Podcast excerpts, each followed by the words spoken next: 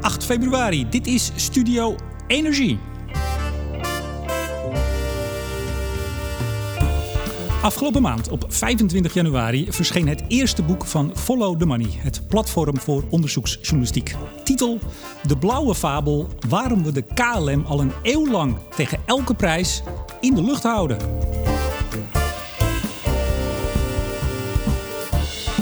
Over zijn boek, over de Koninklijke Luchtvaartmaatschappij en de luchtvaart in het algemeen in tijden van klimaatverandering, praat ik met de auteur. Hij is klimaatjournalist bij Follow the Money. Mijn gast deze week is Ties Joosten.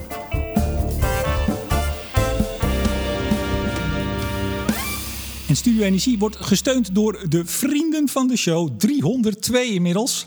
Waaronder Eneco, Neptune Energy, Team Energie van Ploemadvocaten en Notarissen, Netbeheerder Stedin en Koninklijke Femway. Ik zeg hartelijk welkom, Ties Joosten.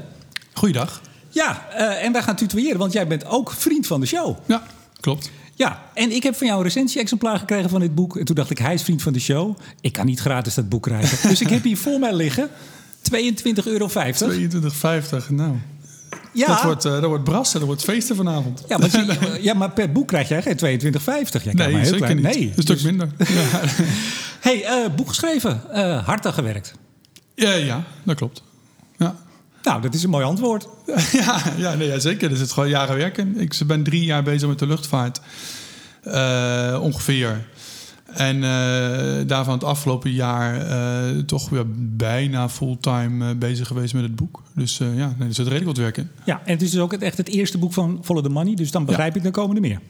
Er komen er meer. Ja, ja, nee. Met mij is de uitgeverij opgericht en we gaan enkele boeken per jaar uitgeven. Dat is het idee. Dus jij bent de launching author. Ja, ja, cool hè? Hey, wij kennen elkaar een heel klein beetje en sommige luisteraars kunnen het weten, dus het is goed om even te benoemen. Um, wij hadden op een gegeven moment het stoute plan om uh, biomassa in Nederland eens even uit te knobbelen. Waar komt het nou vandaan en hoe goed of slecht ja. is dat? En dat, dat corona gooide daar uh, nogal wat roet in het eten. Ja, ja, ik hoorde je dat laatst ook in een uitzending zeggen. Uh, wat mij betreft gooide het niet helemaal goed in het eten. Want ik heb natuurlijk uiteindelijk wel een heel groot verhaal over biomassa geschreven. En dat was eigenlijk mijn doel. Omdat ja, jij, weet nog beter dan ik dat het een enorm, een enorm heet onderwerp is met uh, heel veel gedoe. En uh, uh, ja, ik wilde daar toen gewoon van weten van hoe zit het nou met die, met die energiestroom? Wat is er van waar? Wat is de toepasbaarheid ervan? En nou, wij zijn toen samen een tijdje op onderzoek uit geweest. En daar heb ik gewoon best wel veel van geleerd. En dat heeft ook gewoon geresulteerd in een verhaal. Laat dus... ik nog gedacht hebben dat we nog, nog niet klaar waren met het onderzoek. Want we, we gingen toen echt een beetje op pad. Ja, en we nee, wilden echt sowieso. een paar van die... We zijn toen op, onder meer in Ede geweest bij de ja. Biomascentrale. En we wilden een aantal van die stromen die daar... Die zagen wij letterlijk aankomen toen we er waren met de ja. vrachtwagen. Die wilden we eigenlijk nog gaan napluizen. Uh, nou, daar is het toen niet meer van gekomen. Jij bent doorgaan. Zeer lezenswaardig artikel geworden. Ik denk maar dat het de Google is, dus dan kunnen mensen dat... Uh... Uh, ja, biomassa, follow the money, dan kom je heel eind. Ja. ja hey. Jij bent klimaatjournalist bij Follow the Money. Wat is dat? Uh, ja, dat is, een, uh, ik, dat is een term die ik natuurlijk zelf min of meer verzonnen heb. Dat betekent dat ik me als journalist bezig hou met klimaatverandering. En voor mezelf vul ik dat in dat ik me vooral focus op energie, of nou op, op de grote sectoren. Uitstoters. Ja, grote uitstoters. Dus plekken waar veel CO2 vrij, bij vrijkomt. Uh, die vind ik interessant, omdat in het kader van klimaatverandering gaan daar grote veranderingen moeten plaatsvinden. En uh, nou, zo ben ik er een heel rijtje afgegaan. Hè. Energiebedrijven, uh, de Rotterdamse haven heb ik veel over geschreven, de landbouw heb ik veel over geschreven. En zo kom ik op een gegeven moment ook bij de luchtvaart uit. Ja, toen wij, wij hebben gebeld, toen ik jou benaderde van... zou jij het leuk vinden om bij mij in de podcast te komen? Toen zei ik, ben je niet gewoon CO2-journalist? Want de andere kant van klimaat... en het gaat natuurlijk altijd over geld ook, hè? Follow the money. Ja. Het is uh, ja, de geldsporen volgen. En waar komen we dan? En bij die grote uitstoters gaat het ook om hoe zij eigenlijk ook het... Zeg ik het goed? Het beleid beïnvloeden, proberen te beïnvloeden? Ook, zeker, ja. ja. Maar toen dacht ik, dan moet je toch ook naar die andere kant kijken... als je klimaatjournalist bent. Bijvoorbeeld Jij weet het vast ook. Uh, er is al 60 miljard SDE Plus toegezegd sinds 2011. Er wordt zo'n 40 miljard van uitgekeerd. Is nu de verwachting tot 2031. Dat ja. moet je dan toch ook volgen? Maar je zit echt aan één kant. Nou, niet helemaal. Ik heb wel ook geschreven bijvoorbeeld uh, over, over windmolens. Ik heb een keer een verhaal geschreven over uh, waarom het in Nederland lukte om uh, subsidievrije windmolenparken te bouwen. Um, ik weet dat subsidievrij dan alweer een beladen term is, maar... Uh, voor, voor, deze luisteraars, die weten daar alles van. Nee, dat kunnen we even laten, laten gaan. Maar, uh, dus ik heb dat ook heus wel een beetje gevolgd. Okay. Um, alleen ja, weet je, klimaatverandering is best een groot onderwerp. En er zijn heel veel uitstoters. Nee, maar in je profiel staat heel duidelijk dat je je tot die, zeg maar, die grote uitstoters beperkt. Dus vandaar. Ja, nee, ja, dat klopt dus ook. Ja. Oké. Wij zitten trouwens, uh, dat zullen luisteraars inmiddels ongetwijfeld gehoord hebben, waarschijnlijk, in een wat echo-achtige ruimte. Jullie zijn verhuisd een paar weken geleden. En de podcaststudio moet nog gebouwd worden. Ja. Al het isolatiemateriaal ligt huizenhoog, uh, kamerhoog opgestapeld daar. wij zitten nu even in een, het lijkt een oud Oude school, oud zwembad. Wat is het? Dit is een oude parkeergarage. Dat is de autolift die je daar ziet. Kijk aan. Op de Overtoom in Amsterdam. Precies. Um, dat even over uh, wellicht uh, de echo. Um, nee, ik zat een beetje te stoeien met de intro van deze podcast. En ik zal je zeggen waarom. Nee. Ik heb een neutrale intro gedaan. Net. Uh, ja, zo oh, je hebt niet geluisterd. nee, ik heb, ik heb een neutrale intro. Maar jouw boek, en voordat ik begon te lezen, uh, was, heb ik een YouTube-filmpje gekeken. Ik heb natuurlijk even de berichten over het boek. Nou, vond jij het zelf een neutrale aankeiler, het boek? De, de, de, de titel en het filmpje eromheen en alles. Ehm, ja, denk ik wel. Nou ja, kijk, objectiviteit in de journalistiek is natuurlijk altijd een, eh, een, een moeilijk thema. Uh, um, het is, het is objectief in zoverre. Dat, ik, ben, ik ben natuurlijk geïnteresseerd in de KLM omdat het een grote uitstoter is van de CO2. En ik, daar vind ik iets van. Ik vind dat je. Uh, ja, ik vind dat, het, dat dat moet teruggedrongen worden. Dat, is een, dat veroorzaakt een groot probleem. Dus ja, die neutraliteit zit er niet in. Dat, je dat, nog, dat ik dat nog uh, de vraag is. KLM moet, moet krimpen, luchtvaart moet krimpen. Nee, de uitstoot moet naar beneden. Dat is, dat is maar, maar in het boek, maar dan neem ik een voorloopje op uh, mm. waar we straks waarschijnlijk gaan eindigen met eigenlijk het onderdeel klimaat en, en technologische oplossingen. Jij betoogt met veel vuur dat er eigenlijk geen enkele andere oplossing is dan krimp. Ja, nee, maar dat klopt. Maar dat is, dat is maar dan klopt toch wat ik zei? Nee, maar dat is het gevolg, dat is het resultaat van een, van een volgens mij redelijk objectieve zoektocht, zoals ik dat ook heb gedaan rond warmtenetten en biomassa. Ja, en dat is nou, en, bedoel, omdat we elkaar een beetje kennen, is dit misschien iets anders van toon, deze podcast. Ik heb jou leren kennen, wij kennen elkaar niet goed. We zijn een paar maanden opgetrokken, mm. eh, et cetera. En ik heb jou toen leren kennen als iemand die echt, jij stond helemaal blank tegenover biomassa toen het al best uh, uh, flink uh, eraan toe ging. Ja, zeker. En volgens mij vonden we elkaar daar ook inhoudelijk van... nou ja, we gaan, we gaan maar eens kijken. Hè? Ja. Nou, ik, ik, maar goed, we, we, gaan het boek doornemen. Niet, niet het hele boek natuurlijk, maar ja, ik vond het hier min. Ik vond je wat meer uh, gekleurd aan een kant hangen. Of heb ik dat nou helemaal verkeerd? Nee, ik vind dat je dat verkeerd hebt. Ja, nee, dat vind ik wel. Want um, uh, kijk, het resultaat. Kijk, jij maakt een podcast over energietransitie. En jij weet ook dat er binnen de, in, in het energiedebat ja, je hebt allemaal mensen met hun eigen voorkeuren. Je hebt ze allemaal langs gehad. Mensen die iets vinden van kernenergie. Jij vindt volgens mij ook iets van kernenergie. Je hoeft het niet over te hebben, maar dat is zo. Volgens mij mensen die iets dingen vinden van biomassa. Je hebt waterstofadepten. En iedereen is daar eigenlijk een discussie met elkaar aan het voeren... wat nou eigenlijk zijn ideale oplossing is. En, maar door de oogharen bezien zie je dat er wel een soort van mix... een soort van toekomstbeeld bestaat van hoe we die fossiele energiemix... Mm gaan decarboniseren. Ja. Ehm, met diezelfde soort blik heb ik gekeken naar de luchtvaart. Ik zou het geweldig vinden als er een, als er technofix zou zijn... waarmee we duidelijk in, aan de horizon een, een, stip zien staan. Van, oh, nou, die kant gaat het op, nog even wachten. En iedereen heeft een beetje zijn eigen smaakje, maar het komt goed. Maar als je naar de luchtvaart kijkt, en dat maakt het heel anders dan de energietransitie...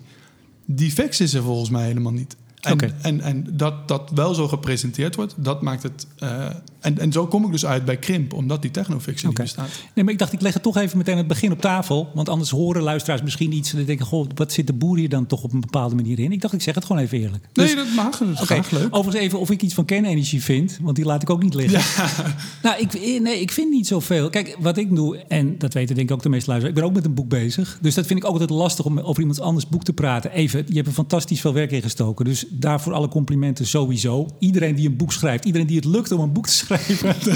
en zeker van dit, uh, dit genre, zou ik maar zeggen, daarvoor uh, uh, respect. Dus dat, die wil ik je meteen nog even meegeven. Ehm, maar ik, ik kijk vooral naar als iemand zegt: ik wil dat en dat. Is hij dan ook bereid om de nadelen en de consequenties van zijn keuzes te aanvaarden? Zo kijk ik meestal. Mm -hmm. Dus als, als een partij zegt: we moeten zeker kerncentrales, nou dan ben ik ook benieuwd. Handelen ze dan ook in lijn daarmee of roepen ze maar wat?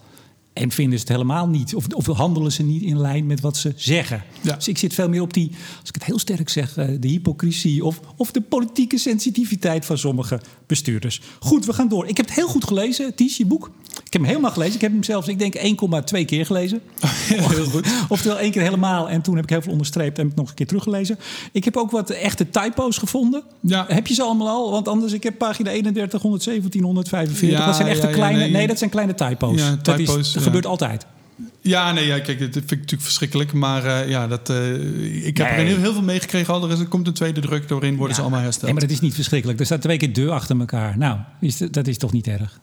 Nee, maar ja, ja nee, maar liever Je moet je eindredacteur op zijn zijn of haar kloten geven. Maar nee, het blijft er altijd iets in staan. Maar er is er eentje, want er was toch wel ook wel wat controverse rond je boek. Je hebt, je hebt veel uh, recensies gekregen.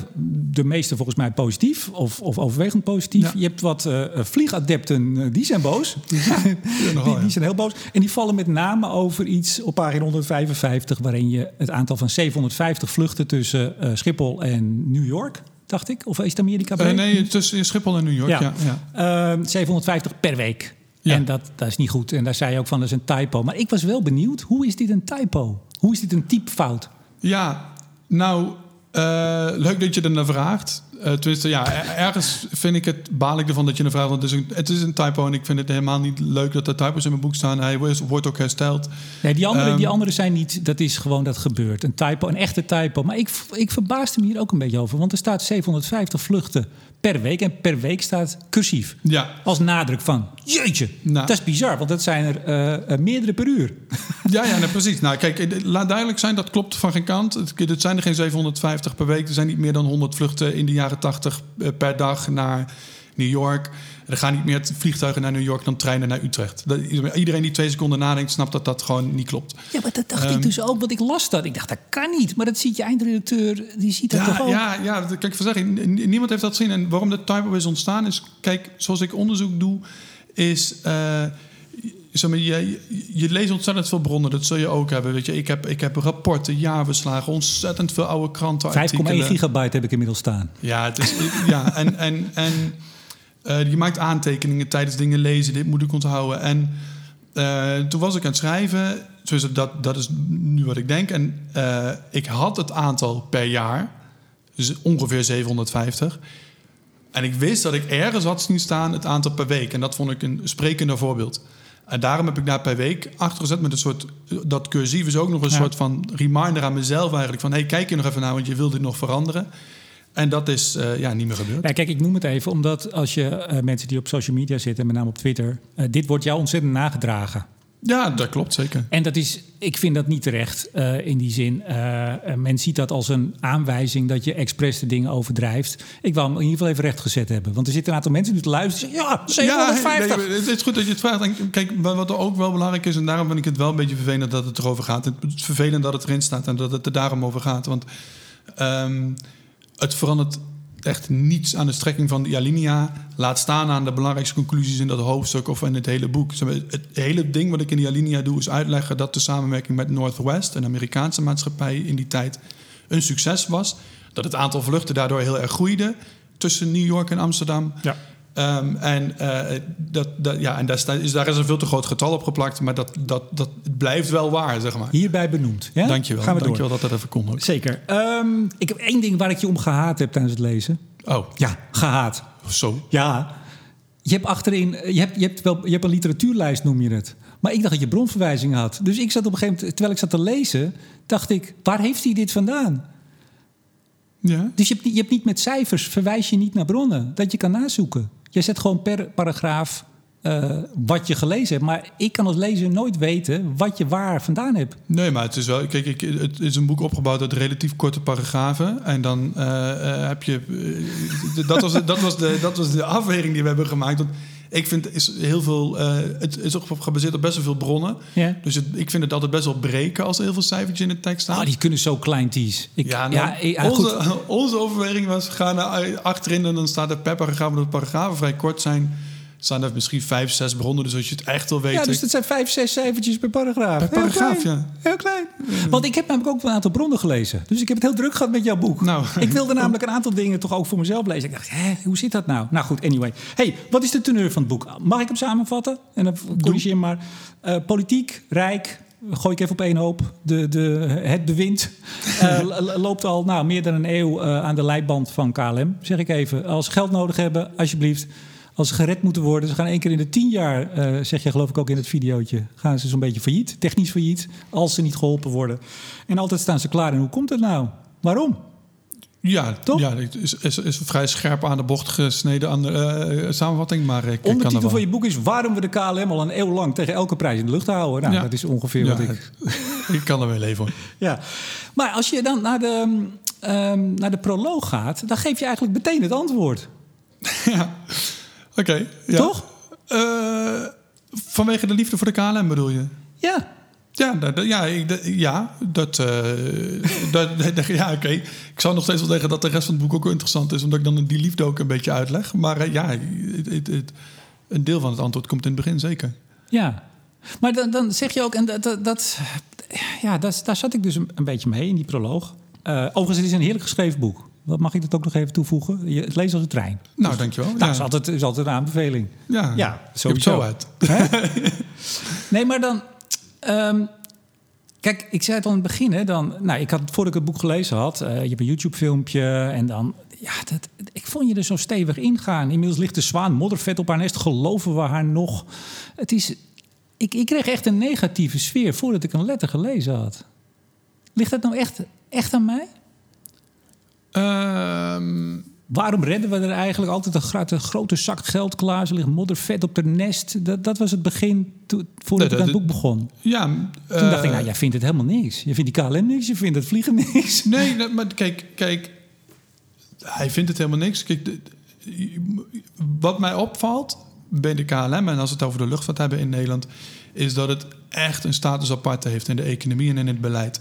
En uh, het heeft me natuurlijk ook ontzettend veel werk gekost om, om dat te analyseren. Ik bedoel, uh, uh, nou, ik heb het redelijk vaak inmiddels over de werkgelegenheidscijfers gehad die gecommuniceerd komen worden. Komen we zo op. Oh, daar komen we zo op. Nou, je mag nu al wat zeggen als je nou dat...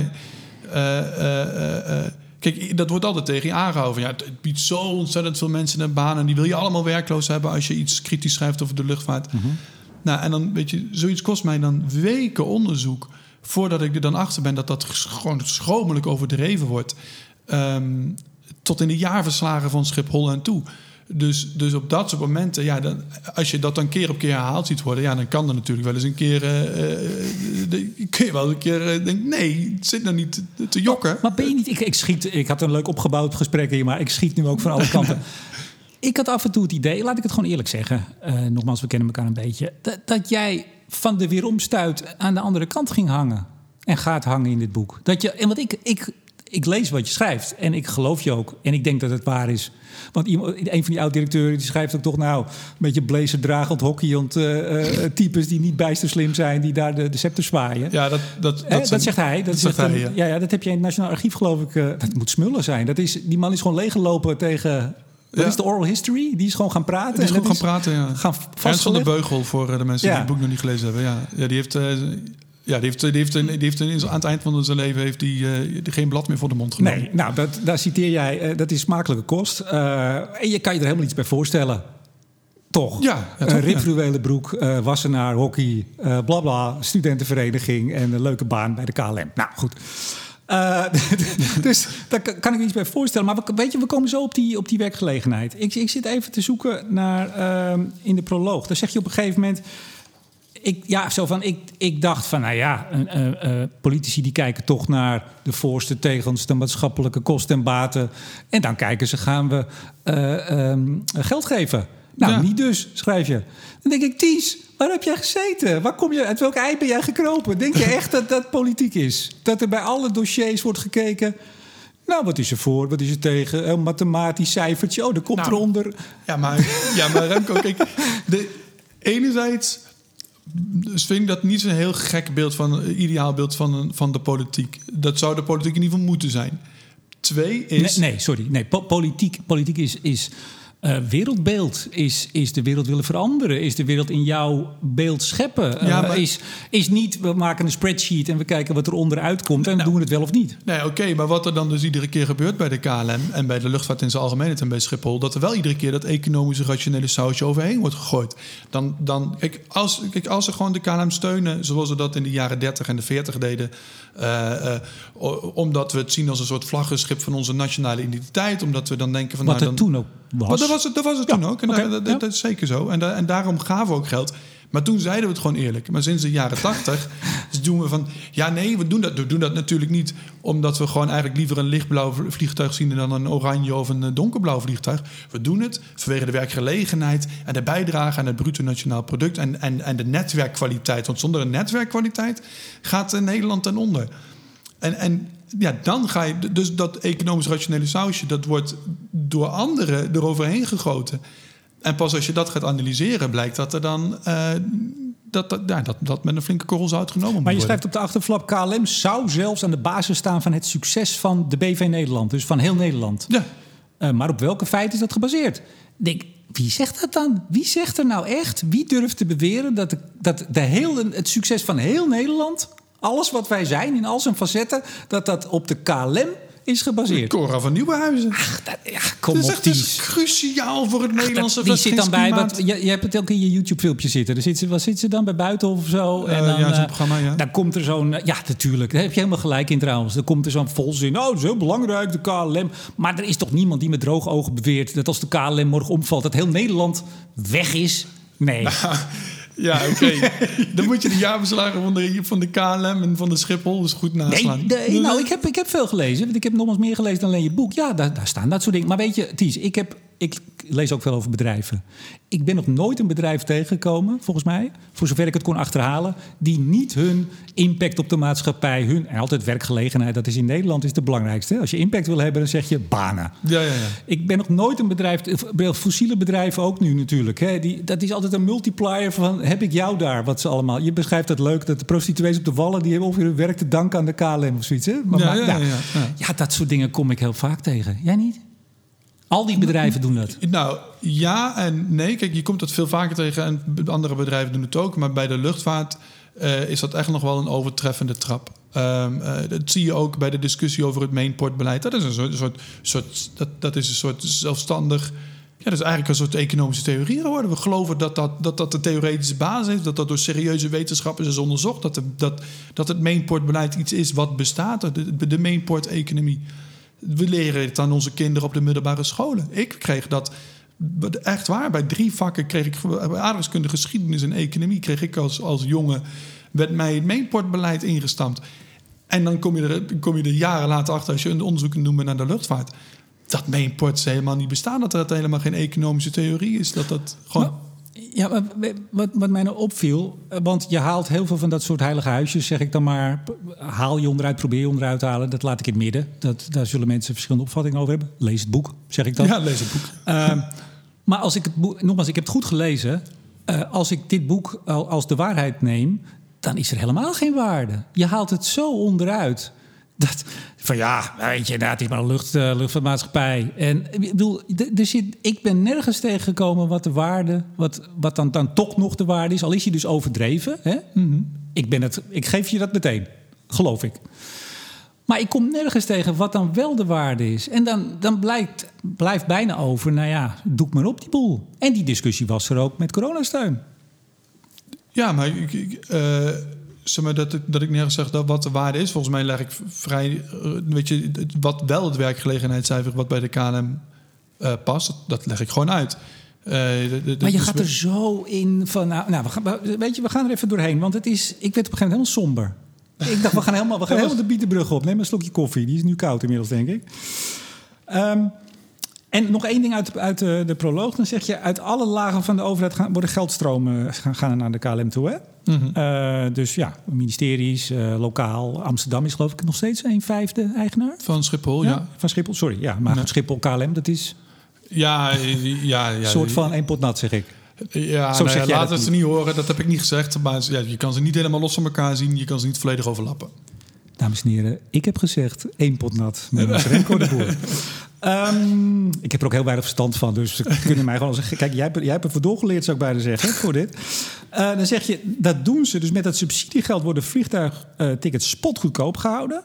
En dus de vraag naar tickets kunstmatig hoog. En daarmee de klimaatschade onnodig groot. En dus zou de overheid ook uit alle lagen van de, uh, van alle lagen van de overheid kunnen ze er wat aan doen. Ja. Ik vond dit er. Ik dacht, nou, hier kan je drie boeken over schrijven over deze stelling. Uh, ja, ik heb er ook heel veel artikelen over geschreven. En, en één boek. nee, nee, maar dus door het subsidie van, uh, hoe heet het ministerie tegenwoordig? Zal vast weer een nieuwe naam krijgen. Iets met infrastructuur en waterstaat of whatever. Daardoor zijn tickets goedkoop. daardoor wordt er gevlogen, want anders vlogen mensen niet als het niet zo goedkoop was. En daardoor uh, is de klimaatschade onnodig groot. Oftewel, ja, dat staat er. Ja, ja ik, ik, ik, zit, ik kijk je aan van ik niet zo goed snap wat je daar onduidelijk aan vindt. Nou, uh, dat zou betekenen dat als we morgen subsidie stoppen, dan is de klimaatschade uh, opgeven. Dan vliegen mensen niet meer.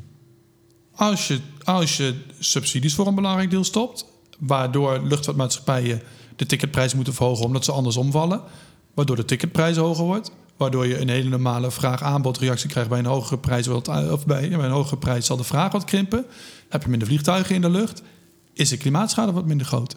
Nou, opgelost. Nederland ministerie, als u luistert, uh, stoppen met subsidie, dan, dan, dan is het klimaat gered, wat vliegen betreft.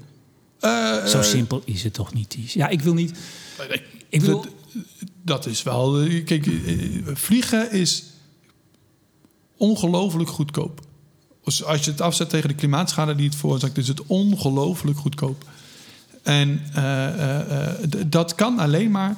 Dat kan niet uh, om, omdat luchtvaartmaatschappijen op een of andere manier zo verschrikkelijk goed zijn en ontzettend veel geld verdienen dat ze niks voor te vragen voor die ticketprijzen. Ze, ze opereren met flinterdunne marges, ze vallen bijna om in iedere crisis opnieuw, mhm. waardoor er iedere keer bij de overheid moet worden aangeklopt. Een van de belangrijke redenen waarom ze dat toch volhouden, is omdat op cruciale momenten er altijd staatssteun komt. En, op, uh, uh, en permanent worden er allerlei subsidie, worden er allebei allerlei vormen van geldstroompjes opgetuigd. Ja. waardoor ze niet zelf hoeven te betalen voor de kosten die ze maken. Dat zit ook in de, de flap van het boek. De, hoe heet zoiets? Binnenflap noem ik het Binnenflap, maar. Flap. Daar heb je ook, heb je ook een, een, overzicht gegeven vanaf 1919, oprichting KLM. Belangrijke geldstromen in de geschiedenis van de KLM. Maar dit zijn alleen maar geldstromen die dus subsidieachtige trekken hebben en voordeel voor KLM. Toch? Uh, ja. Nee, maar er staat nergens de geldstroom die KLM nog heeft gegenereerd of de waarde voor de maatschappij. Dat bedoel ik met. Oh, zo. Het is belangrijk. Je zegt, als je dat gezegd, belangrijke subsidieachtige stromen. Maar er staat belangrijke geldstromen, alsof er dus ook helemaal niks. Het heeft niks opgebracht. Nee, oké. oké. ja, dan moet ik even precies zien hoe het er precies staat. Belangrijke geldstromen in de geschiedenis van de KLM. Ja. Um, er werken 30.000 mensen. Daar is toch ook wel iets van een geldstroom naar een andere kant op, of niet? Nee, natuurlijk is die er. Natuurlijk, dat is natuurlijk evident. Alleen ik, ik ben wel van mening dat als je dat goed tegenover elkaar zet... als je hier wel een normale rationele kostenbatenanalyse van zou maken... dan zul je zien dat die voordelen die de heus, en die benoem ik in mijn boek ook... de netwerkkwaliteit de bijdrage aan BNP, de werkgelegenheid die het genereert... die worden constant enorm overdreven. En de negatieve gevolgen in termen van klimaatverandering of geluidsoverlast of het feit dat je niet kan bouwen in de, in de noord, noordelijke randstad omdat Schiphol gewoon in de weg ligt, die worden constant niet meegenomen of heel beperkt meegenomen. En dat maakt die balans zo scheef. Ja. Maar dan zeg jij bijvoorbeeld, als we nou een kleiner Schiphol hadden, dan konden we tienduizenden woningen bouwen. Dat levert miljarden op aan die gemeentes. Maar dat is toch niet een inkomstenbron? Want bedoel, dat is voor erfpacht, hè, heb je het dan over. Dus als je daar wil bouwen of je koopt een huis, dan geef je, e- of je koopt het af eenmalig, of je gaat. Uh, maar dat is toch iets anders dan dat je een, een economische entiteit die, ja, die, die investeringen aantrekt, die ja, toch uh, uh, bedrijven hier naartoe haalt, mensen hier naartoe haalt. Dat is toch iets anders? Jij zet dus dan die, de grond, en dat doet GroenLinks, heeft het ook wel eens gedaan. volgens mij heb ik Suzanne Kreuger toen over haar luchtvaartnota. Daar staat ook van, nou, we kunnen eigenlijk Schiphol ook wel opdoeken. Ik zeg het nu een beetje cru, hè? Ja. Want ja, je kan ook naar Frankfurt en je kan naar uh. Dan denk ik altijd, als Frankfurt en Saventem nou hetzelfde bedenken. Uh, die zeggen, nou, ga maar naar Schiphol. Ik bedoel, en dan kunnen we die grond gebruiken voor woningen... en dan levert dat geld op. Ja, ik, ja. Ik, ik snap niet zo goed waarom dat... Maar het is toch niet... Dan kun je één keer die grond uitgeven... en dan kun je misschien een paar miljard vangen en dan is het klaar. Dat, dat, dat genereert toch geen inkomsten verder meer? Ja, of je doet, ja precies. Of je, nou ja, of je creëert een eeuwigdurende erfpacht, wat, wat hier in Amsterdam nog steeds gaande is, waardoor je ieder jaar of iedere zoveel tijd. Uh, dat maar is dat, dan een, is dat dan een nieuw economisch model? Dat we grond in, in erfpacht uitgeven ter, ter compensatie van, KL, of, van Schiphol, dat we dan kleiner maken? Maar dat is toch al heel lang, Remco. We geven toch de, de, de, de, de erfpacht is toch een hele belangrijke inkomstenbron voor de lokale overheid. maar vind, je, vind je dat je grond in erfpacht uitgeven tegenover Schiphol kan zetten? Als je zegt van nou, maar we kunnen best kleiner. En kijk eens, dan hebben we grond over, woningen, dan is dat een inkomstenbron, die erfpacht. Maar dat is toch een eenmalige of uitgesmeerd over de tijd. Maar dat is toch niet iets wat, wat, wat inkomsten blijft genereren, grond uitgeven? Tuurlijk wel. Als je toch gewoon een eeuwigdurende erfpacht. Je moet gewoon jaarlijks of uh, eens in zoveel tijd uh, geld voor betalen. Omdat het fijn, omdat Noord, uh, de noordelijke Amsterdam, of hoe zeg je dat? De noordelijke Randstad een populaire woonregio is kun je toch gewoon daar uh, als overheid geld aan verdienen die dan kan uit, uitgeven aan. Dat vind, je van, dat vind je op dezelfde, dezelfde level staan als uh, bedrijven die daar zitten, die, die, producten maken, die dingen doen. Ja, dat is toch, zeker. Is dat zeker want je hebt het, over, je hebt het bijvoorbeeld over de, regen, de reden dat eh, het hier halen van, de, van, van bedrijvigheid. Dat is typisch een ding wat de KLM ook doet. De KLM trekt dat, trekt dat naar zichzelf toe en zegt: dankzij ons zijn die bedrijven hier. Maar dat is volslagen kwats. De reden dat bedrijven hier in Nederland en in onze regio Amsterdam willen zitten, is omdat de beroepsbevolking hoog is opgeleid, omdat er een fijn Rijksmuseum is, omdat je s'avonds kan stappen in de pijp. Ehm, dat soort redenen. en de KLM en, en dat, het, dat Nederland bereikbaar is via de lucht en dat je niet hoeft over te stappen op weg naar elders. Uh, dat draagt op zijn best een heel klein beetje bij aan dat vestigingsklimaat. Maar al die andere dingen, die zijn zeker op bij elkaar opgeteld veel belangrijker. En die Schiphol... betalen we.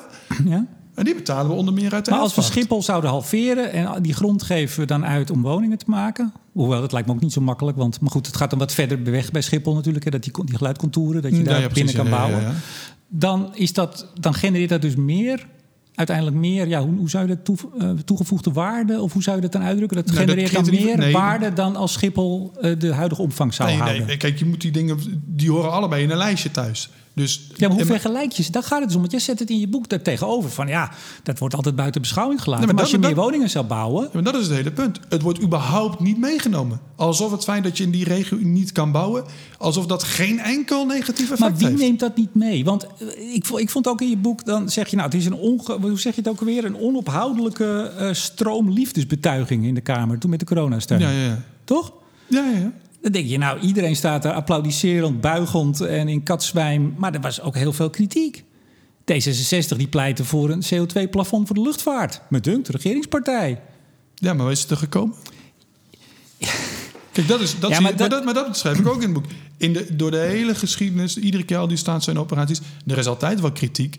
Uh, uh, zeg maar in de tijd dan van, toen we de meest linkse regering ooit hadden in Nederland, in de tijd van Den Ehm, toen is er ook, een enorme staatssteunoperatie richting de KLM opgetuigd.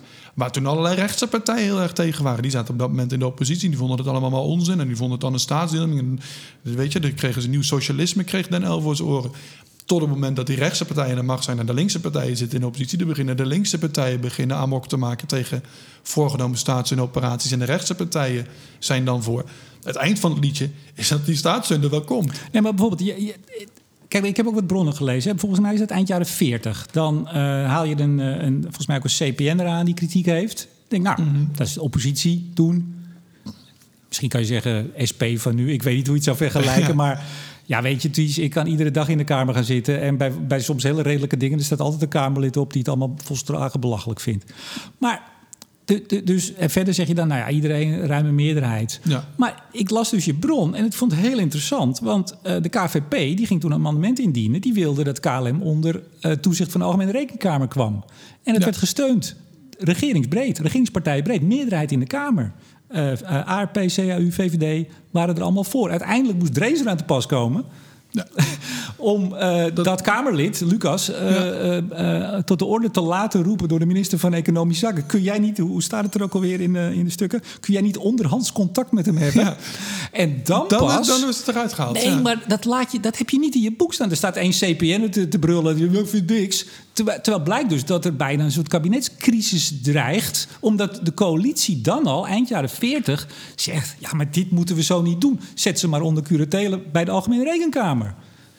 Ja, maar ik, en dus ik vond die, die, die onophoudelijke stroom, 100 jaar lof en uh, liefde en zo, dat valt dus wel mee. Het, het valt op soms ook maar net gewoon de, de, avond voordat hij het amendement intrekt, wordt er het onderhands contact gevoerd met die minister. Ja, en dan pas trekt hij ja, in. maar, maar, het valt nooit de andere kant op, hè? Tot nu toe niet. Nee. Tot nu toe niet, dus, klopt. Ja, maar we zijn 100 jaar verder. Kijk, dat er, dat er meerdere crises zijn geweest. 100 jaar is niks, Ties. 100 jaar is niks. Nee, ja. dat er meerdere crises zijn geweest, dat is natuurlijk zo. Uh, uh, uh, maar ja, uiteindelijk het eind van het liedje, en daar gaat het toch om. Ik ben wel follow the money, follow the money journalist, dus ik onderzoek welke geldstromen komen er nou tot stand uiteindelijk komt het geld er wel.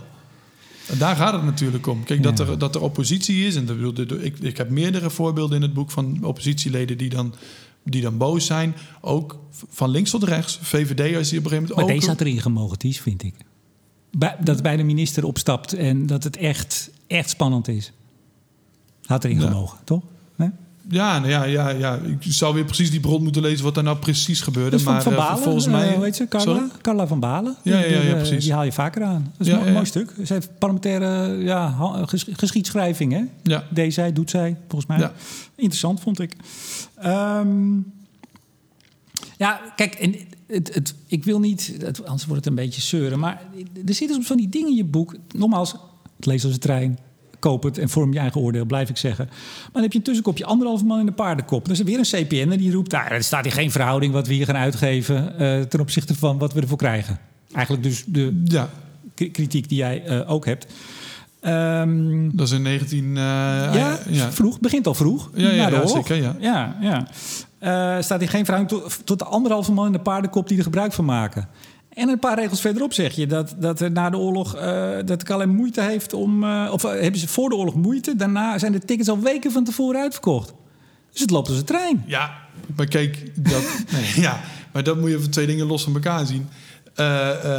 ja, die, die, die, die vliegtuigen zitten voor het eerst in de geschiedenis een keertje vol. Uh, wat goed nieuws is voor de KLM. Alleen die zitten vol met een flinterdunne bovenlaag in de samenleving... die stinkend rijk is en die vliegtuigen... Nee, maar je laat die man zeggen en het is de tussenkop van je paragraaf... anderhalf man de paardenkop, dan denk je... nou, er vliegt helemaal niemand. En dan blijkt het mutje vol te zitten. Nee, maar dat gaat in het, dat zit in het, in, in het hoofdstuk volgens mij over de jet age. Dus over dat, over dat er een jetset is die die vliegtickets kan bepalen. En dat is een anderhalve man in de paardenkop. Het grote gros van de samenleving heeft op dit moment niks aan het exorbitant hoge subsidiebedrag... wat richting de KLM stroomt. Ja. Nou, ik, ik, vond dit soort dingen nou kleuring geven. Dat ik dacht, ja, dat heeft het dat nou nodig? Want je, je, je zet verder heel mooi uit, want het is een prachtige uh, reconstructie van de opkomst van de luchtvaart. Ik heb uh, op maandagochtend een foto getwitterd van mijzelf als klein jongetje in een vliegtuig. Althans, toen we er net uitkwamen. Volgens mij was het 1969. En dat was niet alleen voor mij ongelooflijk spannend met de vliegtuig, maar voor mijn ouders volgens mij ook. Want uh, de familie De Boer die was uh, in alle staten. Uh, maar dat beschrijf je heel mooi hoe, ja, hoe, die, hoe die ontwikkeling gaat. Want we gaan er nu een beetje aan voorbij. We zitten hier natuurlijk over klimaat uiteindelijk, energie ja. en zo. Maar je begint in 1919 met Plesman. Ik vind het prachtig hoe je uh, een, een, niet al te zachtaardige man, geloof ik, als ik het goed begrijp. Ja, nee, ik klopt. prachtig wat, waarom, want ik, soms vind ik er echt veel te veel detail in zitten. Dat ze, Albert Plesman junior, die schrijft een boek over zijn overleden broer in de oorlog. En dan zeg je, ja, maar hij heeft wel eens meer uh, dingen. Hij heeft een keer fraude gepleegd met auto's in de jaren 70 in Rome. En ik denk, nou, Ties, weet je, wat, doet het ertoe? Maar ik vind het wel heel mooi dat je als Plesman een jaar lang gevangen zit in, tijdens de oorlog. Uh, in het Oranje Hotel. Hoe die, heb je zijn, zijn dagindeling, ja, die hij cool, zijn vrouw stuurt. Per ja. kwartier heeft hij ingedeeld wat hij doet. Ja. Ik vond het fascinerend. Ja, ik vond dat, ook. Ja, en dat zat hij dus binnen een paar dagen dat hij daar zat, heeft hij dat opgetuigd. Ja, de man die, die, die, die ja. Uh, het is de eerste werknemer van de KLM. Wordt vaak, vaak gezien als de oprichter, dat is hij niet. Nee, hij was een soort zetbaas. Een soort, ja, maar wel dan zeg maar wel de zetbaas die dan zeg maar, allemaal hele rijke stinkers die eigenlijk een vliegtuigmaatschappij wilden, maar daar eigenlijk niet de tijd voor hadden om dat te regelen. En hij ging dat dan regelen. Dat is ook zo mooi, rijke stinkers. Het waren dus de... Ventenen van Vlissingen, de founding fathers van de Nederlandse industrie. Rijke stinkers. Ja, ja een stukje ja, kleur. Nee, maar in je, in je, boek doe je dat ook. Je, je hoort bij jou een zekere voorkeur en afkeur. Dat mag. Nou ja, ik, ik, hoop het, ik, dat, ik hoop het wat kleur te geven. Maar inderdaad, Ventenen van Vlissingen, Captains of Industry... mensen die, ja, de, die, die, die, zowel het buitenlands beleid van Nederland bepaalden als... Onderzoeksjournalistiek, neutraal, de feiten, ja. Nee, maar ik vind, dat, ik vind dat prachtig. Dan heeft hij gewoon van, ik zeg maar even wat uit mijn hoofd nu hoor... kwart over elf tot half twaalf nadenken over de toekomst KLM. Weet je, echt, gewoon echt wat hij dan gaat doen. Even los van een uur lang Nederlands boek lezen... dan een uur lang Engels boek. En dat gaat zo door negen uur klaarmaken voor bed, wat hij eet... Uh, Heel mooi inkijkje. Hulde dat je dat uh, gevonden hebt en gepubliceerd hebt. Um, ja, weet je, um, nou even toch die werkgelegenheid. Want we zitten alweer bijna 40 minuten. We gaan oh. veel, ja, gaat veel te lang. Dan krijg ik weer boze. Moet korter, moet korter. Ja, nou ja, dan, Sorry, spoel je, dan stop je en dan luister je morgen verder, beste luisteraar. Het, uh, het komt helemaal goed. Hoe vaak kan je nou Ties, Ties Joosten spreken? Um, even die banen. Ja. 370.000. Bekend getal, gaat altijd rond. Nou, ik zie, ik zie als ik het lees, zie ik ongeveer bij jou de stoom uit de oren komen. Van daar heb je dat getal weer. Ja. En dan is dat geschreven door, schrijf je, een luchtvaartadviesbureau in opdracht van een luchtvaartlobbyclub. Nou, dan ook. Kijk, dan denk ik, zet nou even een quote of een teken erachter, dat ik weet waar, waar het is. Welk, welk rapport dat is. Dat had ik dus toen. Dat ik dacht, hé, nou, dan moet ik achterin gaan zoeken en dan moet ik gaan kijken, wat zou het wezen? Wat zou het zijn? Tweede druk, wellicht. Gewoon een klein cijfertje tweede druk erbij. is er al uit. Nou, derde druk. um, maar dan zeg je, er zijn ook scherper afgebakende studies. Dus ik geloof je meteen dat 307.000 veel is. Dat, ja. dat is altijd. Ik, volgens mij is er geen bedrijf die het te laag inschat. En dan zeg je, er zijn ook scherper afgebakende studies. Um, maar, ja, maar, maar, toch even. Ik vind dat je daar dan toch zo makkelijk aan voorbij gaat. Want die 370.000, dat is niet zeg maar een bedrijf dat dat communiceert. Dat wordt tot in de Tweede Kamer herhaald. En dat komt natuurlijk omdat die Kamerleden hebben natuurlijk totaal geen tijd om zoals ik wekenlang op zoek te gaan naar waar komt dat getal nou vandaan. Maar dat, dat, dat, dat is totdat, volgens mij, totdat ik erover begon, werd dat kamerbreed voetstoots aangenomen dat dat honderdduizenden banen zouden zijn. Niemand heeft dat eigenlijk goed door dat dat volledig overdreven is. Nee, maar eh, ja, oké. Nee, maar nogmaals, die geef ik je. Die mm. geef ik je. Maar kijk, er staat dan, want je zegt dan zelf, er zijn ook scherper afgebakende studies. Oftewel, die 370.000 is niet zo scherp afgebakend. Nee, niet bepaald, nee. Nee, maar goed, nee, maar laten we hem dan ook even afpellen. Hè? Dus kijk, uh, ik heb het wel eens gehad in een column, uh, die wordt nog vaak aangehaald, volgens mij 2015, over rapportslingeren. Er zijn allerlei organisaties, ook aan de groene kant en aan de industriekant, die gewoon een rapport bestellen. Zonder dat de makers daarvan zullen zeggen en denken en voelen dat ze in opdracht handelen.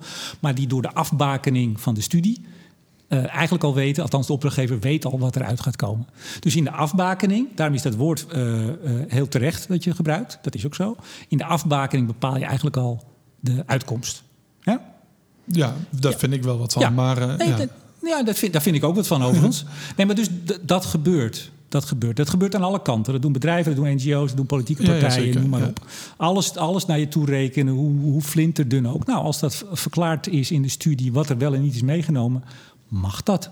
Zogenaamd, zeg ik ook. Ik ben het met je eens. Ik, heb, ik vind er ook wat van. Ja, ja. oké. Okay. Zijn we het met elkaar eens, volgens mij. Ja. Hm. Maar het is, het, is niet uniek, uh, het is niet uniek voor de KLM of het is niet uniek voor uh, de, de ruimtevaartlobby. Of de, de, ruimtevaart, kijk mij nou. De luchtvaart, luchtvaartlobby in Nederland. Maar goed, dan zeg je, er zijn ook scherper afgebakende studies. Um, maar dan, dan noem je wel de titel uh, van, van het onderzoek daar dan wel. Van, en van het bureau die dat heeft gedaan, maar niet de opdrachtgever. En toen dacht ik meteen, toen ik dat las... Dus dit is een betere studie. Jij zegt, kijk eens, dat is maar 60.000. Betere studie. Ik denk, nou, wie, wie is daar dan de opdrachtgever van? Want die andere was van een lobbyclub. Dat was uh, van Verkeer en Waterstaat. Ja.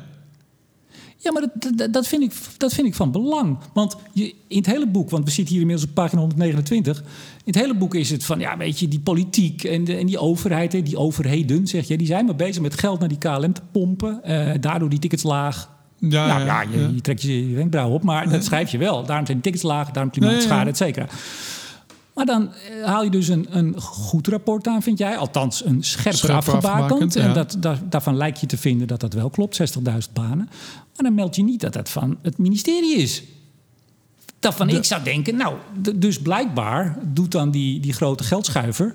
die laat dus toch ook onderzoek doen waar gewoon in staat wat het dan wel is. Het is niet een of andere lobbyclub uh, aan de andere kant. Het is niet GroenLinks of het partijbureau GroenLinks die dit uh, onderzoek heeft laten doen. Dit is het ministerie. Ja, is toch wel ja, vermeldenswaardig dan dat die dat hebben laten onderzoeken? Ja, jeetje. Dat is geen bewuste keus. Eh, dat is gewoon... Uh, ja, er zijn ook onderzoeken. Er zijn, er zijn tal van onderzoeken die scherper afgebakend zijn. En ja, er zijn meerdere onderzoeken die ik aanhaal... dat je niet altijd de opdrachtgever uh, benoemt. Behalve als, als het zo exorbitant groot is, dan vind ik het van belang om te laten zien dat het ook.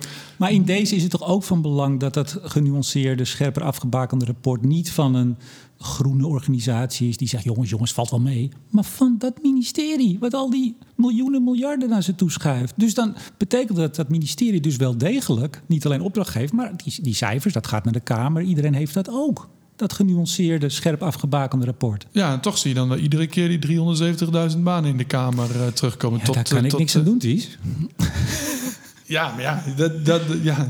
Overigens, zij zeggen dan wel, dat vond ik ook wel, dan haal je die 60.000 aan, zijn er 57.000 geloof ik, dan zeg je ongeveer. Maar zij zeggen wel, ja, indirect nog 45.000 banen. Ik heb het rapport erbij gepakt. Mm Maar die, die tel je dan niet mee. De indirecte, nee, indirecte werkgelegenheid is sowieso zo'n zo'n vreemde om dat allemaal naar jezelf toe te trekken. Maar er zit toch wel iets. Kijk, ik ben, nogmaals, ik ben met je. We zijn het eens. We zijn het eens dat het altijd wordt overdreven. Prostituees op de wallen die dankzij de KLM werk hebben. Uh, ik volg je. Maar het is toch ook niet zo dat er helemaal geen uh, indirecte werkgelegenheid en economische activiteit is? Nee, dat, dat, maar dat beweer ik ook nergens. Maar moet je dan die... Eh, die kijk, ik zou het zuiver vinden om... Kijk, zoals ik in een zuivere economische analyse vind... is gewoon de, de, de, de mensen die bij de KLM werken... en de, en, en de directe toeleveranciers. De directe werkgelegenheid en al dat indirecte werkgelegenheid... dat, dat, dat, dat, vers, uh, hoe zeg je dat? Dat dat vertroebelt altijd het blik op wat nou eigenlijk het echte werkgelegenheidscijfer is. Omdat je altijd gekke crossverbanden krijgt. Omdat je altijd. Je, komt je komt er niet uit, uiteindelijk ook. Nee, precies. je moet het gewoon zuiver hebben over de. En dat, en dat doe ik in mijn boek. Als je het gewoon zuiver over de KLM hebt, dan heb je het over 30.000 eh, mensen voor corona. Uh, uh, een Gelderdoom vol mensen. Dat vind ik best veel mensen. Maar 60, wat zei je nou? Hoeveel zei je nou? 30.000 mensen direct, dus gewoon die bij de KLM werken. Hm.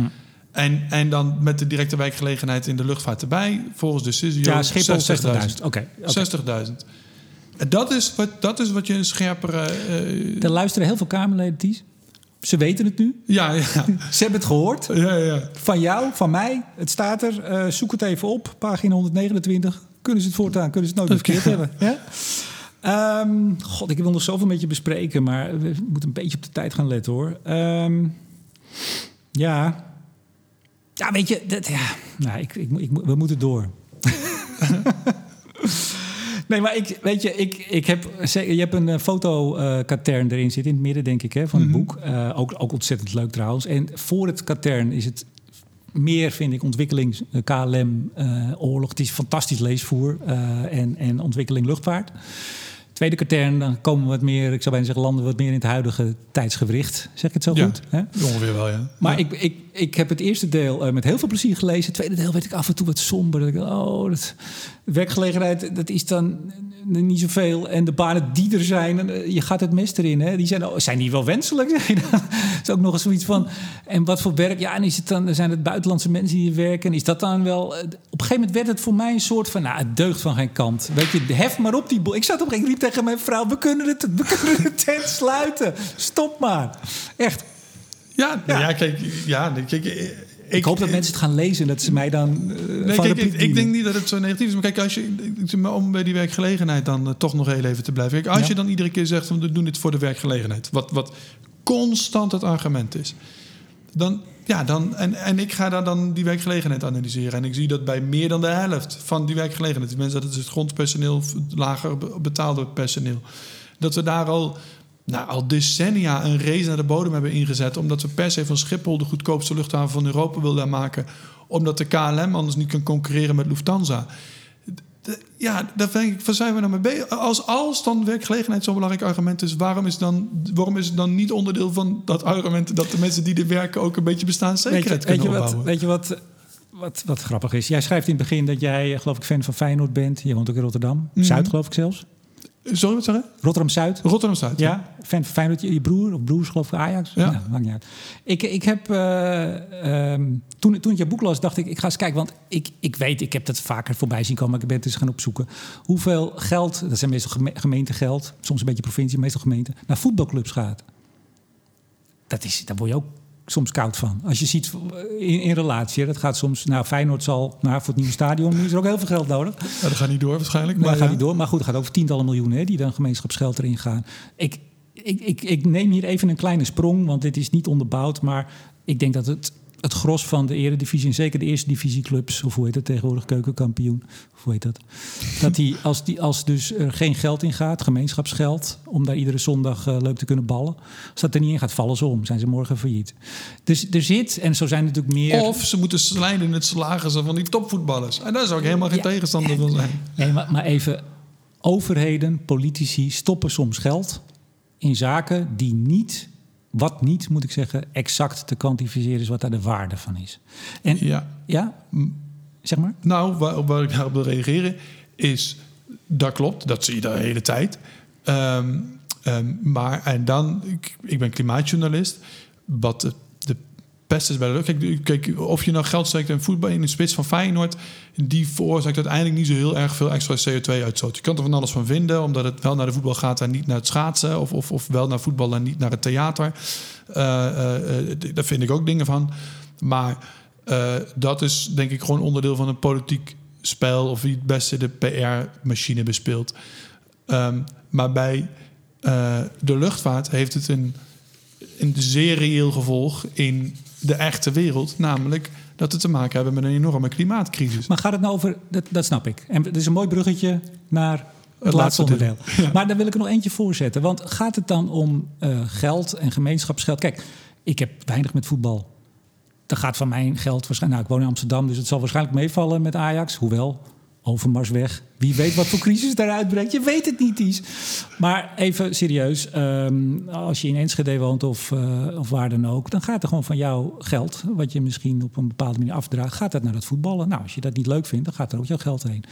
Dus ja. er wordt gemeenschapsgeld besteed aan zaken... waarvan je soms kunt zeggen... het zal wel. Um, ik heb eens gekeken bij de NS. Wat, wat daar nou? Hè? Want je vergelijkt op een gegeven moment ook uh, vliegen en, uh, en, en treinreizen. Nee, dat doe ik per definitie niet. Ik vind dat er namelijk best een kromme vergelijking om, uh, om, om de staatssteun of überhaupt vliegen en treinen consequent nee, nee, met elkaar te prijs. vergelijken. De prijs vergelijken. Oh, de prijs, ja, ja van een vliegticket naar uh, ja. Zuid-Limburg naar het een treinticket. Of ja, je schrijft, iedereen ja. begrijpt dat er iets fundamenteel mis is met de markt wanneer een vliegreis naar Zuid-Afrika, Zuid-Frankrijk goedkoper is dan een treinreis naar Zuid-Limburg. Vanaf dat ik dit las, heb ik op meerdere ticketsites geprobeerd om dat voor elkaar te krijgen. Het, het lukt mij niet. Nou ja, ze zijn er zeker. Nee, Ties, kom op.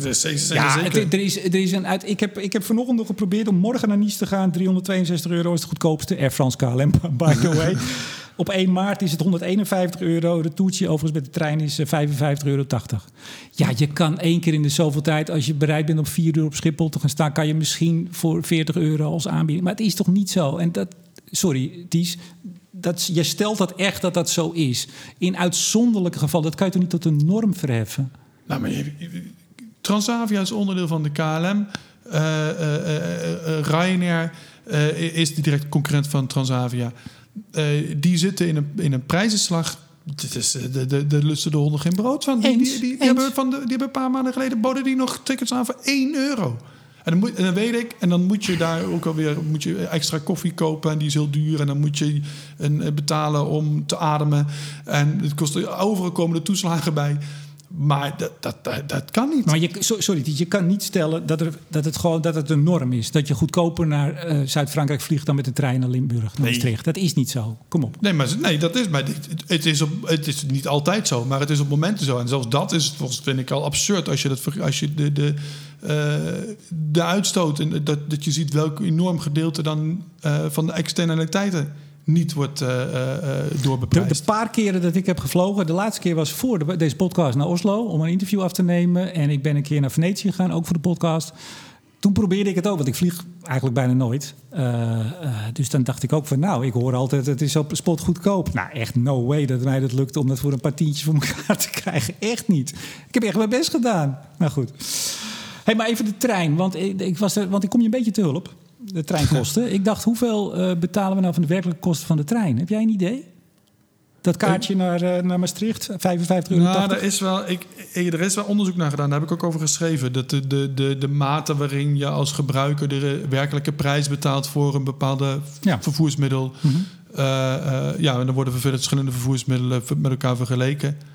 Waarvan dan de uitkomst is dat je eigenlijk bij geen enkele vervoer, uh, vorm van infrastructuur de volledige, dat de gebruiker de volledige prijs ik, ik begrijp, en dan zal ik eerst mijn bron zeggen. Dat is uh, Huip de Klein, die is uh, van de ACM. Die heeft in 2019 een artikel geschreven in ESB, het bekende economenblad. Ja. Die beriep zich wel weer op een andere bron uit 2017, zeg ik er allemaal even bij. maar het ging over de cijfers 2017. Dat is toch wel een tijd geleden, maar dat ja. is het beste wat ik kon vinden. Ik denk dat ik die ook ken, ja. Ja, reiziger betaalt de helft. Dus van die 55,80 euro, het kost dus eigenlijk uh, iets boven de 110 euro. Ja, ja, nee, uh, ja, dat zou goed kunnen. Nee, maar is dat dan dus is, is het dan wel terecht dat er dus heel veel gemeenschapsgeld... Toen was het 2 miljard per jaar. Dus ja, je hebt een aantal bedragen voor de KLM. Soms gaat het over een paar honderd miljoen, soms miljard. Zeker de, de steunoperatie. Maar dit is per jaar, ieder mm. jaar. Ik geloof nu, en het gaat er via ProRail, nou, et cetera. Want die sporen zijn duur. En krijgt ProRail het geld. En zijn pleidooi was, geef het nou aan de NS. Nou, doet er niet toe. Dat is een financieringskwestie. Maar de helft wordt daar dus twee, toen 2 miljard per jaar door ons. Nou, dat vinden we belangrijk. Dat geven we gemeenschapsgeld aan. Is de KLM niet ook gewoon onze NS? Onze lucht-NS? Um, nou, dat vind ik een heel goed punt. Uh, als, als je het op die manier gaat benaderen. Alleen, um, er zitten er zit denk ik, er zit in ieder geval een belangrijke maar aan, is dat uh, luchtvaart namelijk iets doet met het type reis dat mensen maken. Um, wat luchtvaart doet namelijk, is dat het mensen heel veel extra kilometers laat maken. En daarom ben ik niet zo fan van het vergelijken van de trein met het vliegtuig. Want wat mensen doen met het vliegtuig bij hele goedkope tickets, die je volgens mij ergens kan vinden, Dames en heren, hier wordt gezegd dat ik niet goed kan zoeken via zoekmachines. Ja, ja, maar, uh, maar met, een, met, een, met een treinticket gaan mensen voor een weekend naar Barcelona om, om te shoppen. Met de trein zullen ze dan voor een weekend naar Parijs gaan. Wat dat doet, is met het totale aantal kilometers dat mensen dus afleggen vanuit Nederland. Dat krimpt enorm als je ze zeg maar de trein inkrijgt in plaats van het vliegtuig. Dan kan het per kilometer kan de trein wel misschien zelfs wel meer gesubsidieerd zijn. Of evenveel, of, of misschien iets minder. Ligt eraan hoe je dat allemaal precies berekent. Maar het gaat erom dat het totaal aantal kilometers dat mensen met een vliegtuig afleggen zo enorm veel groeit door de luchtvaart. En dat maken we ook nog eens mogelijk met heel veel subsidiegeld. Maar die, die kijk, nogmaals, ik ben geen vlieger, ik ben geen automan, ik ben heel saai eigenlijk. Maar eh, er zijn mensen die uh, vaak vliegen omdat ze de wereld willen zien. Er zijn mensen die, uh, ik bedoel, toen die foto die ik deelde, dat was 1969, dat was spannend. Je, je kon voor het eerst enigszins overzichtelijk naar een. Nou, we gingen naar Spanje, Malaga landen, Tormelinos. Ja, we, waren, we liepen voorop. um, maar die, die, die Nogmaals, ik ben er niet zo van. Ik, ik fiets meestal met mijn vrouw uh, naar Brussel of naar Maastricht of een stukje Duitsland. Maar het, het over grenzen gaan, de wereld, ja, laat ik zo zeggen, je haalt aan het, het, het uh, klimaatverdrag, het luchtvaartverdrag 1944. Hoe heet het ook weer? De club wordt opgericht? Chicago. Oh, ja. de ICAO. Ja, het grootste kartel. Oh, uh, IATA bedoel je? Ja, ja, ja. ja. Nee, nee, nee, ICAO. IATA zijn de luchtvaartmaatschappijen, nee, nee, nee, ICAO zijn de, zijn de landen. Uh, ICAO, ja, die, precies. Okay, ja. ICAO, pardon, ja, dat, dat, 1944. En dan zeg je ook, ja, eh, landen worden nu verplicht om uh, te investeren in luchthavens. Maar ik heb het verdrag erbij gepakt. En daar staat ook, het is 1944, de wereld staat in brand. Vriendschap, het moet verbroederen. Mensen moeten over grenzen heen, letterlijk, moeten de wereld kunnen zien. En men hoopt dan ook, er zullen ongetwijfeld types bij zitten, ik kan hier een centje aan verdienen. Maar het idee was ook wel van landen dat dat moest verbroederen, broederschap. Ja. Die, die waarde, noem ik dan toch maar even, ja, die is natuurlijk niet in euro's uit te drukken. En ik denk dat er nu nog steeds waarde is. Ik zat nou, een keer in een tv-programma met een meisje die was veganist. Dat was op Nederland 2. Erg van het klimaat. Die wilde mensen aan het, uh, aan het uh, veganisme krijgen. En die vloog uh, acht keer per jaar. ze wilde minderen naar zes. nee, dat heb ik altijd onthouden. En die, die was heel erg de, de horizon aan het verbreden. Vond ze heel belangrijk dat dat kon. En daar zijn er meer van. Dus die waarde toch even... Ja, die, hoe, hoe, hoe, hoe vat je dat in, in dat is heel moeilijk, geef ik je direct toe. Dat is, maar, dus dat is heel moeilijk in waarde te schatten. Alleen uh, daar staat wel tegenover dat luchtvaartmaatschappijen uh, juist vehicles van heel scherp nationalisme, zeker in Europa, zijn geworden. Dus, dus dat idee dat de luchtvaart alleen maar zou verbroederen en dat wij niet in een of andere gekke nationalistische machtsstrijd met Frankrijk zitten vanwege Air France KLM. Dus dat er alleen maar verbroedering plaatsvindt en dat er helemaal geen tweespot ontstaat, dat is volgens mij volstrekt vreemd. En ik denk dat je ook nog wel wat vraagtekens bij kan zetten bij al die die hordes, backpackers die naar God weet, uh, die zichzelf in, in Bangkok gaan ontdekken. In hoeverre het nou daadwerkelijk echt met elkaar dat daar culturen aan te smelt cruisen zijn tot een soort kumbaya-wereld. Of dat dat misschien eigenlijk ook ja, misschien in mooie droom als een 44, maar in de praktijk iedereen toch eigenlijk bij Snack van Henkie in Zuid-Frankrijk zit. Weet je wel? Ik had dit moeten, vroeger nam ik altijd video mee. Ik had dit moeten filmen hoe jij dit deed. Je, je, deed het heel beeldend, heel mooi. Uh, ik denk ook dat ik daar uh, ver in mee ga. Maar is het aan ons om ze dat te verbieden? Want dan kom je uiteindelijk natuurlijk, hè, dan moet het heel duur maken. Dan kunnen ze niet meer backpacken en verbroederen naar, uh, wat was het, snackbar? Ah, kijk, ik, ik ben wel voorstander van het idee van een progressieve vliegtax. Dus dat, kijk, ik, ik ben ook ooit naar Zuidoost-Azië geweest, ook full disclosure. Ik ben wel op de heenweg met de trein gegaan, dus dat kan ook. Maar, ik ben nog nooit in Azië geweest. Nou ja, ja het, het kan. Ik, ik, zou je wel aanraden om de reis te maken. En niet alleen voor de bestemming te gaan. Want het, tijdens de reis zie je veel meer dan, dan als je er alleen maar overheen vliegt. Maar goed, uh, dat is de progressieve vliegtax wil zeggen dat je um, uh, voor je eerste vlucht een relatief kleine belasting betaalt. Voor je tweede vlucht drie keer zoveel. Voor je derde vlucht weer drie keer zoveel. Voor je vierde vlucht weer drie keer zoveel. En dan wordt het uiteindelijk heel duur. Dus dan kun je iedereen toch zeg maar, de kans geven om één vlucht per jaar of één vlucht in de paar jaar te maken. Om aan dat verbroederingsideaal te doen. Om mensen, misschien is het ook helemaal, misschien hoeven mensen, kunnen, is het gewoon prima als mensen alleen maar voor zongarantie en een snack van Henkie en zichzelf willen vinden in Bangkok en dat dat eens per snack jaar. Snack van Henkie is wel belangrijk, hè? Dat, uh... Ja, het is zoiets, weet je, dat, dat, daar hoef je verder geen waardeoordeel over te hebben. En dat als het eens in de jaar, eens per jaar of eens in de paar jaar is, dan, dan, dan is dat oké. Maar ben je een onderzoeksjournalist? Of zit ik nou tegenover iemand die, ik zou bijna zeggen, een politiek ideaal heeft? Want dit, dit is nou echt iets typisch wat nee, iets in Den Haag gebeurt. Een politieke oplossing voor een... Voor, voor, dit is een voorstel. Er zijn ook andere dingen die ik heb in mijn boek. Een hele lijst van dingen die je kan gebruiken. Maar ik denk dat je... Ja, je, als klimaatjournalist... Het enige wat ik vind is als klimaatjournalist journalist vind ik dat de uitstoot overal naar beneden moet. Dat is mijn aanname als journalist. Dat is, dat is het enige waarin ik subjectief ben. Als de uitstoot niet naar beneden gaat, dan komen we in een gigantische klimaatcrisis. Zitten we al. En uh, komen we in de problemen. Maar, uh, uh, en, als, en binnen het vliegen is nou eenmaal mijn analyse, en, en, die deel ik met heel veel mensen, dat er geen alternatief bestaat dan krimp. Dat kan niet anders. Het is zo nou, jammer. Laten we het daarover hebben. Laten we het daar even over hebben. Dat is goed, want we, we, zijn al over het uur. Dus hey, ik geef je eerst even... Sorry uh, mensen. Nee, dat geeft niet. Ze kunnen altijd een dag later weer luisteren. Ja. Ik geef je even een printje hier. En dat, dat, daar hebben de kijkers niks aan. En als, als jij zegt, oh dat ken ik wel. En het is een heel slechte bron wat je hier hebt, de boer. Maar dit is uh, IPCC uh, AR6, de laatste. Uh, het laatste klimaatrapport. Ja, de CO2-uitstoot van verschillende ja. sectoren. En onderaan ja. staat aviation. En anders ja. deel ik hem morgen wel even op, uh, op Twitter. Ja, jij zegt, nou ja, de, uh, daar, zeg je, daar ben je niet uniek in natuurlijk. Je zegt, luchtvaart heeft een enorme bijdrage aan, aan klimaatverandering. Dat is echt, ja, dat is enorm. Maar als je dat als je deze uh, grafiek ziet, en ik heb lang gezocht, uh, of althans, ik heb gekeken van wat is, wat is 3000 zoveel pagina's, het full report. Dus het was even zoeken, Ties. Ja. En als ik mis zit, uh, corrigeer me meteen. En als ik het, als er luisteraars zijn die zeggen, je hebt niet de goede. Het is die effect of one year pulse of present day emissions on global surface temperature. En dan kijk ze 10 jaar en 100 jaar. Ja. En bij beide is aviation, luchtvaart, ja, heel klein. Ja, maar dat komt natuurlijk doordat je hier. Uh, ja, dat het hier opgeknipt is in, uh, nou wat zijn het? Drie, zes, negen, tien sectoren globaal. Mm -hmm. uh, waarbij agriculture er één is. Dus ja, onze volledige voedselvoorziening wordt op één hoop gegooid. Dus, dus, dus iedere koe, iedere kip, ieder varken, ieder rijstkorreltje... dat wordt bij elkaar geveegd. En dan zetten we daar de vliegtuigen na. Zeggen, nou, vliegtuigen vallen nog best mee. Mm. Ja, kijk, het, het ding met klimaatverandering is natuurlijk dat het, dat maakt het zo verschrikkelijk lastig, dat het duizenden en duizenden en duizenden verschillende uitstootbronnen heeft. Waar maar we toch, maar toch even, Ties, want ik ga een eind met je mee. Maar als ik dit nou zie, het is relatief. Nou ja, je hebt ook in je boek, dat, dat schrijf je goed, hè? Want eh, je hebt de CO2-uitstoot of de, de broeikasgasuitstoot, 2,5 procent. Hè, van, ja, maar dan heb je nog de, de trails. Ik, ik ben er helemaal niet in. Eh, de waterdamp, eh, er gebeurt veel meer daarboven. Dat telt nog best wel op. Ja, ja, telt best wel op. Drie keer zoveel, hè, is de impact. Ja, ja de wetenschappers zijn het er niet mee eens dat je, dat, dat je daar een getal aan moet hangen. Nee, maar... want dat las ik dus. Ik heb dat IPC op dit vlak wel even doorgelezen. Uh, ongelooflijk onzekerheid. Of nou, ongelooflijk veel.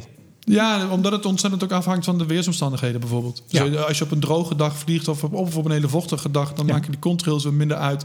Maar als je op een gemiddelde dag vliegt, dan maken ze weer vrij veel uit. En dat, uh... u, u, hoort al, dames en heren, er is een, een idee maak ook bij TIES om op bepaalde dagen wel en bepaalde dagen niet te vliegen. Dus wilt u nog zelf kunnen kiezen, boek snel. Oh nee, nee, nee, nee. Niet, Ik ben de baas niet, hè? Nee, maar je, je schrijft echt een ongelooflijke grote bij. Nee, je zegt het andersom, maar echt een hele grote bijde. Maar als je, dat, dat zie je niet echt in de grafiek. En ik heb nu toch wel volgens mij de goede grafiek erbij van IPCC. Maak je niet een beetje te groot. Als je het boek leest, als, je, als ik dit aan mijn... Nou ja, mijn moeder is 90. Dat, ik weet niet of het daar nog in gaat. Maar als je dit leest, dan denk je... Nou, dat is, dat is tientallen procenten van, van onze uitstoot is luchtvaart. Nee, ik, ik, ik noem de getallen letterlijk. Dus, dus het kan niet zijn dat je het idee hebt dat dat, dat, dat tientallen procent zijn. Alleen... Uh, uh, uh, wat natuurlijk zo is, is dat het ook enorm scheef verdeeld is. Hmm. Dus, dus ja, kijk, enerzijds vind ik, vind ik dus dat een beetje vals... omdat je gewoon iedere rijstkorrel en, en kippen-ei bij elkaar optelt... en daar alleen maar luchtvaart tegenover zet... en dan zeg je de luchtvaart valt wel mee. Nou, even, even vals. Dit is IPCC. Nee, maar dan moet je bij de IPCC zijn.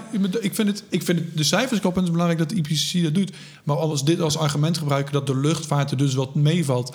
omdat je alle voedsel wereldwijd bij elkaar hebt opgeteld waar alle mensen van de wereld gebruik van maken. En dan zet je daar alleen de vliegtuigen tegenover en dan zeg je de vliegtuigen van. Maar er staat ook land transportation, want jij pakt er nu ook. Ja, ja voor, voor, voor, dan gaan we een beetje zitten, zitten kiften. Dat moeten we ook niet doen. Maar er staat meer dan dat. Hè? je pakt er nu één uit. Er staat ook gewoon uh, vervoer over land. Nou, dat heeft een enorm veel grotere impact. Als ik dat toch ja, even de grote woorden gebruik. Maar daar maken dus ook veel meer mensen gebruik van. Dagelijks. Terwijl luchtvaart is, hoewel het in, in West-Europa voor een grotere groep mensen bereikbaar is geworden, is het nog steeds zo dat een flinterdunne laag, zeker globaal gezien, van, van, van de wereldbevolking, is goed voor de enorme hoeveelheid. Uh, uh, Mathies, in je boek zeg je zelf: het moet niet gaan wat uh, luchtvaartmaatschappijen vooral zeggen over relatieve uitstoot. Mm. Het moet gaan over de werkelijke uitstoot. Ja. Toch? Moeten niet van, ja, het is ten opzichte van en als je het eh, deelt door, uh, daar moeten we het niet over hebben. Gewoon puur, wat is het effect van die activiteit op de opwarming van de aarde? En als je dan gewoon naar het IPC kijkt, dan is dat relatief heel klein. Zeker als je kijkt naar 100 jaar. Het is bijna niet te zien. Zo klein. Dat is nou, toch ook. Dat is toch. Nee, dat, dat is ook niet waar. Nou, maar, uh, het is, zullen we hem gaan tellen? Nee, maar dat, dan, dus aan de ene kant zeg je, ja, maar het is, uh, omdat er maar weinig mensen gebruik van maken, is het dus relatief heel groot. Maar je zegt zelf in je boek, ik denk terecht, als je het hebt over uitstoot, moet het gaan over feitelijke uitstoot. En niet ten opzichte van dat jaar of per, per kilometer per gebruiker. Dit is gewoon de uitstoot van de luchtvaart. En die is relatief gering, zeg ik dan in mijn woorden. Ja, nee, daar ben ik dus... Nou, Oké, okay, daar komen we niet uit. Zal ik hem morgen delen op uh, Ja, doe vooral. Uh, ja. nee, dan kunnen, nee, dan kunnen mensen het zelf zien. Of ze kunnen het opzoeken. Ik heb hem net genoemd, toch? Ja, ja. ja. hey, maar dan de oplossingen. Want um, ik dacht, nou, er komen oplossingen. Nou, nee toch? Ik bedoel... maar uh, ik snap niet... Nou goed, oké. Ja. Nee, zeg maar. Nou ja, dat, dat krimp, zeg maar... Het, het is zo verbazend dat gewoon het voorstellen van krimp... dat dat zo'n heftige reacties bij veel mensen oproept. Oh, oh meneer, meneer Joosten. Ik, denk, ik ben het denk met je eens. Want ik, het, het, het eindigt van... Ik, ik denk dat je uiteindelijk voor een flink deel bij krimp komt... als je inderdaad... Je, je, schrijft aan de klimaatakkoorden, maar als je op een gegeven moment zegt: Nou ja, we moeten, we moeten naar nul, dan zal dat denk ik ook wel moeten. Maar ik vond je um, uh, over de oplossingen die er dan, zeker ook, ik zag uh, vandaag, maandag, een stuk in Parool met uh, de directeur KLM Nederland. Ja, die over, de, over de biofuels. Gerrissen heet hij wel? Ja, Gersen, ja, ja, ja. ja. Over de biofuels. Um, want daar heb je ook, ja, er is te weinig frituurvet hè, in de wereld, begrijp, begrijp ik. Niet genoeg. Niet genoeg frituurvet, mensen. Frituur toch eens. Ja. Kunnen we bij Snack, uh, hoe heet die? Ja, Snacky Henkie. Ja. Snacky Henkie. Nee, maar um, uh, uh, biodiesel, dat wordt hem niet. Elektrisch vliegen, daar ben je ook niet, is nog maar op de tekentafel. Ehm, Iets voorbij, maar ja. Waterstof gaat ook niet lukken. En als, het lukt, als we het genoeg kunnen comprimeren, dan hebben we te weinig groene stroom om het te maken. Nee, maar je pelt hem helemaal af. Alles Weet, weet je wat ik aan moest denken? Dat zeg ik je eerlijk. Het wordt al donker. We, zitten er zelf hier. uh, waar ik aan moest denken... Ik, ik ben bang dat je gaat beledigen, maar dan oh, moet je me maar een klap geven. Nee. uh, in de tijd dat, nou pak een beetje jaren nou, tien en langer geleden, de mensen die windenergie allemaal maar niks vonden, die, die, die gingen alle, alle, alle zeggen, ja, het, het is niks, het wordt niks, kan nooit wat, kan nooit wat worden. De, de hele, het hele idee dat er innovatie is en kan plaatsvinden, als je nou kijkt, begin Albert Plesman, uh, 1919, uh, letterlijk bijna houtje, te, ja, houtje en touwtje. touwtje absoluut, um, die, die had nooit kunnen uh, voorzien wat er allemaal zou komen. Hè? En eh, nou, ik word nu een beetje zweverig, dat weet ik wel. Maar je, je bekijkt dit allemaal, vond ik, met de bril van nu. Uh, en van ja, dat kan eigenlijk nooit wat worden. Ja, okay. Maar dan, dan hoop ik toch. En dan eindigt het met ja, we moeten krimpen. Ik denk nog steeds dat krimp ook nodig is. Maar bijvoorbeeld, hè, dan zeg je, uh, dat is volgens mij de laatste zin van je boek, dat de uitstoot in 2019 hetzelfde is als in 2000. In 2000. Dat is volgens mij de laatste zin van je boek. Uh, de uitstoot door Nederlandse vliegtuigen in 2019 is vrijwel gelijk aan die in 2000. Ja, dat is letterlijk ja. de laatste zin van je, van je boek. Maar in die tijd zijn we van 15 miljoen naar 35 miljoen uh, uh, passagiers gegaan op Schiphol. Of uh, sorry, KLM. KLM ja, ja, Dan, dan kan je zeggen, nou, dat is een relatief. relatief ja, vanzelf, dat wil ik precies zeggen. Ja. ja. Nee, nee, maar. Als dan, het niet, als, dan, is er toch wel, nee, maar dan is er toch wel ergens vooruitgang geboekt. Ja, maar ik zeg toch niet dat er geen. Ik, ik heb heel hoofdstuk over de geweldige technologische ontwikkeling. Over hoe we van, uh, van, van, van, van uh, uh, propellervliegtuigen naar jet engines naar turboprops. Ja, maar je hebt het ook over de S-curve en je zegt eigenlijk, nou dat beschrijf ik heel mooi. het begin, nou dat gaat zelfs een dolle natuurlijk. En we zitten nu helemaal boven in de S-curve. Dus er is eigenlijk, je zegt, je zegt ook letterlijk dat er op innovatie kan je vergeten. Als het gaat over motoren, zeg je nou, in ieder geval. Daar wil ik nog wel een ding over zeggen, maar maak eerst je ding Nee, nee, ga maar. Nou, oké ik, heb natuurlijk, wat ik ook grappig vind om als ik over de KLM schrijf, dit, ik krijg dit, dit feit natuurlijk afgelopen week uh, wat meer gekregen. Maar. Welk verwijt? Nou, dat ik de onvoldoende oogst hebben voor de innovatieve mogelijkheden in de luchtvaart. Ja, dat vond ik ja. Uh, dacht ik, uh, kort hem even in voor de mensen thuis. Ja, maar, ja heel goed. Maar um, um, wat er ook voorbij wordt gegaan, is dat de KLM natuurlijk helemaal geen vliegtuigen maakt. Hè? Ik heb een boek geschreven over de KLM, niet over, over, over, niet over Boeing, of over Airbus. De KLM, het enige wat de KLM doet, en wat ze, wat ze met enig succes doen, is die vliegtuigen kopen. En ze lichtblauw schilderen en ervoor een piloot zetten en achterin een, een stewardess. What's your point? Nou, wat het punt is, is dat zij, niet de, zij zijn niet degene die die biofuels aan het ontwikkelen zijn. Dat zijn de Nestle's van deze wereld. Zij zijn niet degene die, al, als het er al komt, de, de Airbussen van deze wereld aan het ontwikkelen zijn. Of de, de, de waterstofvliegtuigen, dat zijn de Airbussen van deze wereld. Ja. Dus maar je schrijft, heel veel geld aan KLM geven. Het, je schrijft het idee dat de KLM voldoende ruimte op haar balans heeft... om uh, die versneld te kunnen afschrijven, de huidige... en duurzame vliegtuigen uh, te kopen, is op niets gebaseerd. Ja, dat is op niets gebaseerd. Dat is, ze zitten tot op de nek in de schulden. Ja, maar, maar die, dat was denk ik nog toen die bij de drukker lag... Uh, dat, dat de KLM 100 met een optie tot 60 extra Airbussen gaat kopen die ja. 15% zuiniger zijn. Ja, nou kijk, en dan heb je een goed, goed voorbeeld. Heel goed, ze zijn 15% zuiniger. Ze zijn recent gekocht, moeten nog geleverd worden. Ja. Uh, en zo'n vliegtuig, die, dat, dat is een miljardenorder geweest. Dat, uh, die, dat, dat, is zoals dat bij dat is een kapitaalinvestering. Die wordt over 30 jaar wordt die afgeschreven. Dus je weet nu al welke CO2-uitstoot de KLM zich min of meer nee, heeft vastgelegd. Nee, sorry. En daarna... nee, nee, want je schrijft nou zelf in je boek, en dat, dat, en dat geloof ik ook meteen dat die toestellen veel te snel uh, worden afgeschreven. Uh, de, de, de, de oude plasma. Nee, de oude. Ja?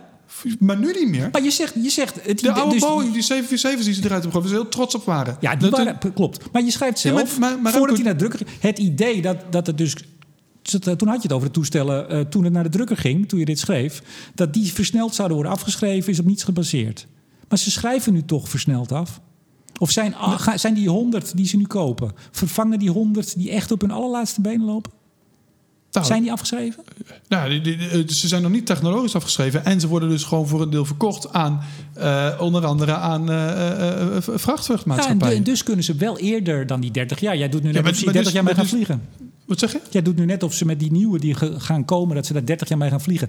die, die worden in ieder geval 30 jaar lang door de hele sector heen gedoet. Kijk, ja. KLM kan ze eventueel wat eerder afschrijven, over 10 jaar afschrijven. Maar dan, gaan ze naar, dan worden ze niet ontmanteld omdat er op dat moment elektrovliegtuigen zijn. De KLM kan er dan alleen maar vanaf als ze ze verkopen aan een andere maatschappij die er dan mee blijft vliegen. Ja. Dus oké, je weet dat deze vliegtuigen die nu gekocht zijn, die dus 15% uh, uh, zuiniger mhm. zijn. Uh, daarvan weet je dat die 30 jaar moeten blijven vliegen. Of, de of ze dan lichtblauw geschilderd zijn of donkerblauw, dat weet ik dan inderdaad ook niet. Maar ze blijven in ieder geval gewoon moeten blijven vliegen. Um, en het idee dat, dat, de, dat de KLM hier een, een, een driving force is van de innovatie van dat soort vliegtuigen. Dat zegt toch helemaal niemand? Nou, dat is wel een van de argumenten die, die dan gegeven wordt om dat we de KLM in de lucht moeten houden en dat de KLM de, de, de, de verduurzaming van de luchtvaart in gang trekken zijn. Maar ze, de KLM ontwikkelt geen biofuels. De KLM bouwt geen vliegtuigen. Dat, KLM is een... dat weten we. Dat nee, weten ja, Dat is niet het beeld dat heel veel mensen hebben. Hey, we moeten gaan afronden. Ik wou nog EU-ETS. KLM bestaat nou, betaalt nauwelijks voor de uitstoot. Krijgt de helft van de ETS-rechten gratis, schrijf je. Hoeveel betalen ze dan wel? Nu? Ja? Uh, ja, dat, dat zal van de CO2-prijs afhangen. Die is nogal aan het stijgen. Nee, maar ze hedgen het twee keer per jaar, geloof ik, of zoiets. Ik las in het jaarverslag dat ze, twee, twee, ze, hebben het rustig afgedekt. Ja, maar, dat zou goed kunnen. dat denk ik in mijn hoofd. binnenkort 17 februari in mijn hoofd komen nieuwe jaarcijfers aan het bedrijf. Maar dat had ik nou leuk gevonden. Nou, we toch eens iets kunnen zien wat ze dan wel betalen. Ja, dat is, ze, krijgen... ze betalen een stukje. Ze betalen een stukje. Maar kon je daar echt niet achter? Kon je niet met jouw bron, je hebt heel veel mensen gesproken, kon je er niet achter komen hoeveel zij per jaar aan ETS kwijt zijn? Want ze betalen de helft van hun alles. Helft van de binnenlandse Europese, hè? Ja. Van de binnen-Europese. Dus nee, want dat is ook nog iets. Ja, jongen, we kunnen nog uren door. Maar dat vond ik ook een beetje onderbelicht. Dat, dat, dat in Europa valt dus onder het EU-ETS. Alle binnenlandse... Of alle Europese, Europese vluchten, ja, ja. zeker. Mm -hmm. En daar gaan we naar 0 in 250. Dus, binnen, de, binnen Europese ETS? Ja, ja. maar, je, ja, oké. ja. Ik kan ook nog heel lang doorgaan. Ik heb ook een boekje hierover geschreven. Maar, nou, zeker. Daarom uh, zitten we hier. Maar, uh, maar je hebt dus vanuit Air France KLM... gewoon uh, onze nationale trots... heb je dus gewoon ook nu een, een lobby gaande... die de luchtvaart uit het ETS willen hebben. En onder Corsia, waarin ja. dus geen beweging richting nul is. Dus ze zijn zelf een lobbyen om uit die ETS te komen.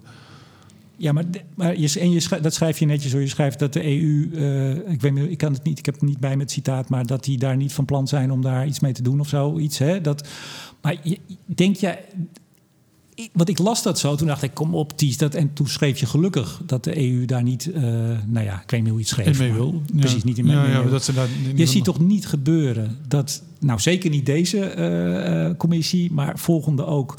Terwijl eigenlijk nou, met een paar dissidenten en wat gepruttel het hele continent klaar staat om naar nul te gaan. met alles wat erbij moet komen. Dat er ineens gezegd wordt, weet je wat jongens, die luchtvaart, die hebben er nu, hoe lang zitten ze erin? Tien jaar of zo? 2012? Ja, nee, iets korter volgens mij, nou, maar ja. Zoiets. Nou, het zal al lang aanlopen hè, voordat het daadwerkelijk ja. gebeurt. Maar ze zijn er al, al lang mee bezig. Dat ze dan in Europa ineens zeggen, de Europese Commissie, het parlement en de lidstaat... ah, laat, laat, die, uh, laat die luchtvaart er maar uit. Nou ja, ik, Remco, ik durf het je eerlijk gezegd, ik durf niet te voorspellen. Ook omdat uh, dat Corsia, dat is dan het argument, dat moet dan wereldwijd worden. En dat, dat, dat vindt Europa natuurlijk, dat, vindt, dat zal binnen Europa resoneren. Dat er eindelijk eens een keer een regeling komt waar Poetin wel aan meedoet. Dat is natuurlijk ook niet altijd even makkelijk. Uh, uh, dus dat zal een argument voor zijn om dan toch die Corsia te omarmen en dan het ETS los te laten. Ik, ik, ik, ik denk het niet. Ik denk dat het niet goed is voor klimaatverandering. dus ik hoop het ook niet. Um, maar ik durf hier geen garanties te geven hoor. Nee, maar garanties tot de deur, die zijn er ja. nooit. Maar, nee, maar als, als het nou wel lukt, als we nou inderdaad naar, naar nul gaan in 2050 en de Europese luchtvaart erbij. Ja, hoe ze het doen, doen ze het. Is het krimp? Is het een revolutionair nieuw vliegtuig? Ze moeten wel. Uh, ja, dat zou geweldig zijn natuurlijk. Het zou voor het klimaat heel goed nieuws zijn. Um, heb, je er, heb je er geen vertrouwen? Ik heb er wel vertrouwen in namelijk. Dat zij naar nul gaan zonder... Ik, ja, nee, ik, ik, nee, ik, heb vertrouwen in het Europees beleid... wat uh, tot nu toe, uh, nou, pak een beet, een jaar of twintig draait. Iets langer, althans met de aanloop. Hè. Mm -hmm. En tot nu toe hebben ze geleverd wat ze gezegd hebben... de Europese beslissers. Maar... En dus ik, ik, heb daar, ik heb niet zo heel veel reden. Het zal spannend worden, het zal af en toe moeilijk gaan, zeker. Maar ik, ik ben daar wel redelijk hoopvol over. Als, als het als het Europees niet lukt, dan maken landen helemaal geen kans. Nee, nee, ik, ik ben, ik, in het algemeen ben ik over Europees beleid uh, uh, positief. Alleen ik zie wel bij de luchtvaart dat het, omdat de technologische mogelijkheden om, om de CO2 te reduceren beperkt zijn, Ehm, en, en ik ben ook bewust ben dat er altijd nog een stukje luchtvaart over zal blijven. Ik bedoel, dat, de luchtvaart gaat niet natuurlijk absoluut naar nul. Ik bedoel, er zullen heus wel vluchten over de oost. We gaan niet meer terug met het zeilschip. Ja, dat ehm, heb je, jij wel een pleidooi geloof ik ergens van eh, werknemers die naar New York moeten, die kunnen ook met de boot. Het duurt wel wat langer. Maar... Londen, Londen, oh, Londen, niet New York. Maar, dan hebben ze wat meer tijd, maar dan kunnen ze lekker werken tijdens hier. Ja, dat heb ik ook gedaan. Dat is best leuk hoor. New York, uh, Londen, niet New York. Maar, um, neem toch de trein? Kijk, natuurlijk, de trein, maar goed, sorry. Ja, maar, maar, er zal een plukje luchtvaart nodig blijven. En omdat dat technologisch niet opgelost gaat worden met de CO2 naar nul... vraagt de luchtvaart daar dus al van de rest van de samenleving... van uh, compenseer dat voor ons. Plant bossen of uh, doe iets anders. Doe CCS. Um, um, maar, uh, dat, maar daar vragen ze dus al van de samenleving van los dit, dit, wat er overblijft voor ons op. Maar als ze dan niet zelf ook een beweging richting krimp inzetten. Maar, maar, sorry Ties, ik vind je een schat, dat weet je. Maar dan zeg je alweer, dat gaat niet opgelost worden technisch in die 30 jaar of 28. Maar synthetische kerosine, want daar ben je ook zeggen, ja, groene elektriciteit, weinig beschikbaar ik vind je daar echt niet naar voren kijken. Hoe kun je nu zeggen dat je nu al weet dat in 2050 dat technisch niet zal worden, of technologisch, niet zal worden opgelost? Dat laatste plukje. Ik, ik zou dat echt niet durven zeggen. En ik zal je ook eerlijk nou, ik, zeggen... Ik, ik, zeg dit, ik, dit, ik zeg dit op basis van gesprekken uh, uh, met luchtvaartexperts, met, ja. luchtvaarttechnologie-experts. Die dat zelf schrijven aan de Tweede Kamer. die, zeggen zelf, die schrijven zelf aan de Tweede Kamer... dit gaat niet technologisch opgelost worden. Alle technologische innovatie is belangrijk, moeten we blijven doen. Maar zonder krimp gaan we de, de luchtvaart niet in lijn brengen. Nee, sorry Ties. Oh man, we gaan veel te lang. dat laatste plukje. Nee, dat, dat alles. Dat, ik denk dat ik dat met je eens ben. Hoewel ik er ook geen verstand van heb. Maar voor mijn gevoel. Ja, dat is heel betrouwbaar. Not. Maar ik, ik denk dat je gelijk. Kijk, want op een gegeven moment worden die rechten uh, veel duurder. Gaat het nog meer doorwegen. Misschien op een gegeven moment dat landen inderdaad minder hun favoriete hobby of hun infrastructuur, hun NS in de lucht wat minder gaan steunen. Gaan ticketprijs omhoog. Gaan mensen minder vliegen. Kleinere vliegtuigen kun je dan. Kun je misschien wel elektrisch gaan vliegen. Dat is nog. Nu kunnen drie, drie man paardenkop kan er nu in. Nou, dat heb je meer. uh, zijn we weer terug naar eind uh, jaren 40. Um, ehm, maar dat laatste plukje, dat laatste beetje wat dan wel met grote vliegtuigen over de oceaan gaat. Ja, ik zou niet durven zeggen dat over 28 jaar daar geen uh, synthetische kerosine voor op de oh, markt is. Nee, dat wil ik ook niet. Oh, dan heb ik me verkeerd uitgedrukt. Okay, dat, dat, okay. ik, dat, dat, dat, dat er een stukje met synthetische kerosine in 2050 zou moeten kunnen. Dat zou eventueel kunnen. Maar de luchtvaart gaat er niet komen als ze niet zelf ook een beweging richting krimp inzetten. Dat is mijn punt. Ik denk dat ik het met je eens ben.